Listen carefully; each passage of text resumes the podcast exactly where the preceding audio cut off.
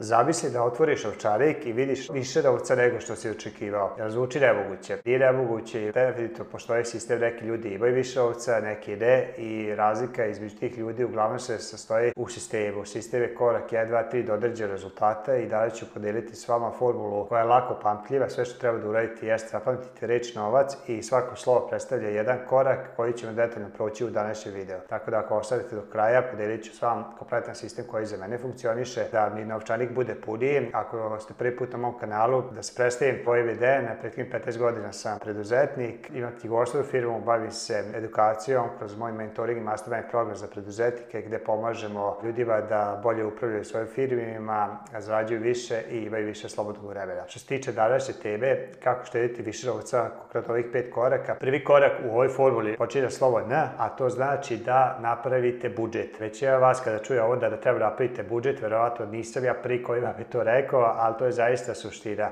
Šta je budžet? Budžet je samo jedan plan, plan koji vam pokazuje koliko ulazi novca u novčanik, koliko izlazi novca iz novčanika i da biste vi imali puni novčanik, jednostavno morate imati istinu ispred sebe, morate znati i svoje prihode i svoje rashode i kako sam ja to rešio sistemski. Prvi put kad sam čuo za ovu ideju, pre 15-20 godine počeo sam da pišem na papiru svaki mesec koliko sam zaradio, koliko sam trošio, na šta sam trošio, posle toga sam prešao na Excel tabele i danas koristim koristim ja i moja supruga aplikaciju Andromani. Andromani je samo jedna od mnogih aplikacija koja vam omogućava da pratite svoj tok novca, šta ulazi od prihoda i zarade i šta izlazi i ono kako kod mene funkcioniš jeste jednostavno kad god dobijem neku uplatu, uzmem telefon, kliknem na dugmenice, upišem šta je, koliki iznos i završavam. Tako isto kad ode u prodavnicu, napravim neki trošak, kupim deci sladut i bilo šta, toliko puta sam ponovio da je postao automatski deo mog ponašanja i samo čak i nesvesno izvadim telefon, upišem šta sam uradio i šta mi to pomaže, pomaže mi da na kraju nedelje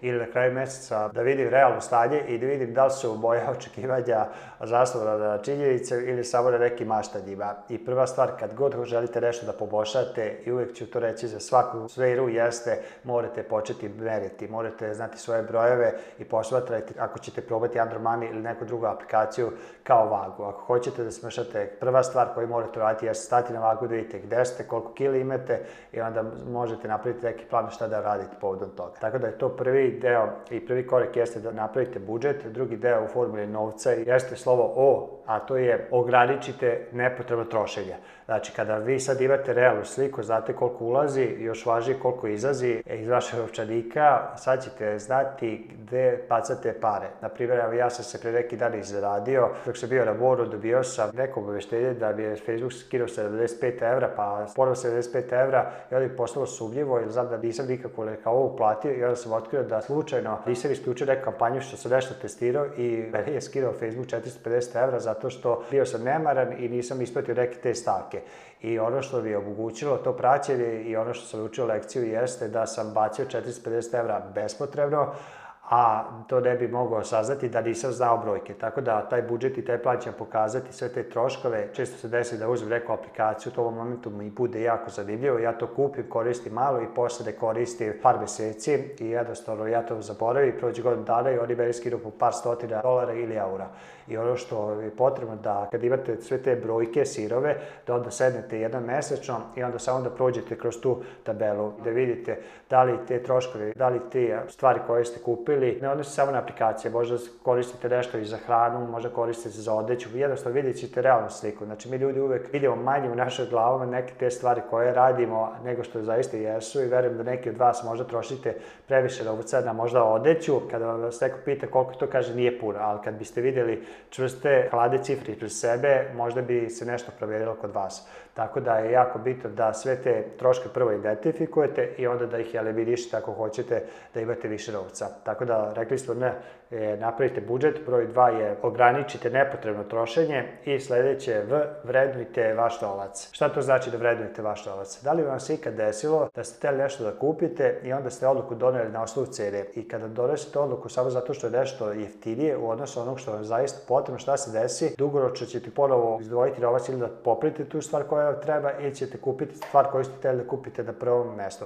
Ja isto spravim sam tu grešku i često mi se desi da napravim tu grešku. Evo recimo pre godinu dana moja mala čerkica je htela da kupi bicikli i mi smo otišli da kupimo bicikli u jednu radnju i tamo kad smo ušli videli smo neki bicikli koji košta nekih 35.000 dinara, to je oko 300 evra otprilike. I pošto to nije prvi bicikli, meni to bilo puno para da dam, pošto ne znam da je vozi, ne znam koliko je zainteresovan i da li će to voziti i onda sam rekao, ok, aj to ćemo ću uzeti kada naučiš da voziš, da kupim nešto za sad drugo. Kao što se obično dešava malo dece je dovoljno sad da bude nešto šareno i obično se oni za to zalepe. Mi smo videli neki drugi bicikli, tri put jeftinije od tog bicikla i mislio da je to ok za nju i mi smo uzeli taj bicikl i šta se desilo? Vozila ga je nedelju dve dana i počeo je već da se kvari, počeo da usporava, videli smo da je težak i u suštini napravio sam pogrešnu odluku zato što sam dole odluku na osnovu cene i sam vredno novac i uzeo sam ono što mi nije trebalo i ono što treba sad radi jeste prodava ovaj manji bicikl i kupit će taj bicikl koji se treba da kupi na prvo mesto. I kada nešto kupujete, gledajte šta dobijate za svoj novac i uvijek kvalitet se dugoročno najviše isplati. I ako treba nešto da kupite bolje, odvojite malo vremena da uštedite koliko vam zaista treba i da to kupite, nego da o to potom idete tamo i kupujete samo zato što je najniža cena. I to je treći savjet, znači vrednujte svoj novac. Četvrti korak jeste da automatizujete svoju štednju. To je znači N-O-V-A, automatizujete svoju štednju. Mi smo ljudi bića navika i ono što imamo neki sistem ili neku automatizaciju, to će biti odrađeno, ali ako je sve to u našoj glavi, iako imamo najbolju nameru, ispadamo iz kolosega. Jer jednostavno mi bez ček lista, bez rutina i posebno danas bez tih nekih sistema i alata teško možemo sve ispratiti i biti dosledni. I ono što sam ja uradio jeste kod automatizacije štednje, to jest ja imam jedan sistem, imam na YouTube kanalu isto jedan video posebno tu temu, gdje sam čuo iz knjige Harv Ekera kako razmišljaju milioneri, gdje je on podelio, kad god dođe neki novac, on ima pet kategorija ili pet kovet, kako on to zove, gdje stavlja novac kao što su rast, kao što je štednja, kao što su tekući troškovi, kao što je davanje, zabavi i tako dalje. I ja sam isto tako počeo da koristim taj sistem i kada sam krenuo da koristim, ja sam to mislio da ću ja to svesno izvršiti i ono što se desilo kao i većina stvari krenete i onda zaboravite, starete i onda pošto ste stali, onda kažete da to ne funkcioniše. I ono što sad imam u poslednjih par godina jeste da sam ja to automatizovao imam sličan sistem gdje imam nekih pet kategorije koje ja raspoređujem moj sav prihod i ono što sam uradio danas mobilne aplikacije za banke obično imaju te automatske štedje ili automatske preusmeravanja. Ja u jednoj banci napravio sam tako da određen procenat ide u svaku kategoriju svakog meseca i moj jedini deo jeste da kada se novac sliva u taj glavni račun, onda se određen u danu mesecu, ja sam to stavio negdje početkom meseca, da se određeni procenti raspoređuju na te račune koje su meni bitni. To bi je pomoglo da onda više o tome da razmišljam, a čim o tome ne razmišljam, onda te stvari počinju i da funkcionišu. Tako da je to bio pretposlednji korak na slovo A, automatizujte svoju štednju i na kraju od reči novac je C, a to znači cenite male stvari. I ovo je jedna života lekcija koja je jako bitna da naučite, što je pre naučite, to bolje. Većina ljudi očekuju uspeh preko noći i misle da ako hoćete da imate uspešan biznis, da samo da krenete i da ćete za par meseci biti bogati na plažama i slikati se za selfie iz nekih jakti i tako dalje, ali suština svaki dugoročan uspeh i veliki napredak je rezultat malih aktivnosti, malih stvari koje je dosledno ponavljati iz dana u dan duži vremenski period. I sve ovo što sam sad nabrao je zaista bitno da radite i da budete strpljivi i da svaku tu neku stvar posmatrate kroz tu širu prizmu, kroz širu sliku. Na primjer, još jedan princip vezano za ovo jeste kako radite jednu stvar, tako radite sve stvari. To je nešto što čvrsto verujem i na primjer jednu stvar ja se trudim kad god recimo izlazim iz kancelarije, ja se trudim da ugasim svetlo, iako znam da apsolutno to nema nikakvog smisla što tiče izvrsta na računu brošuru koju ćeš dobiti na kraju meseca, ali meni to bitno zbog principa, jer ja sam obratio pažnju da uvijek ostaje nešto bolje nego što sam dašao i da se trudim da te male stvari koje kad posmatrate pojedinačno kao mozaik ne predstavljaju razliku, ali kad taj mali deli stavite u ceo mozaik i priložite svim ostalim stvarima, onda vidite veću sliku.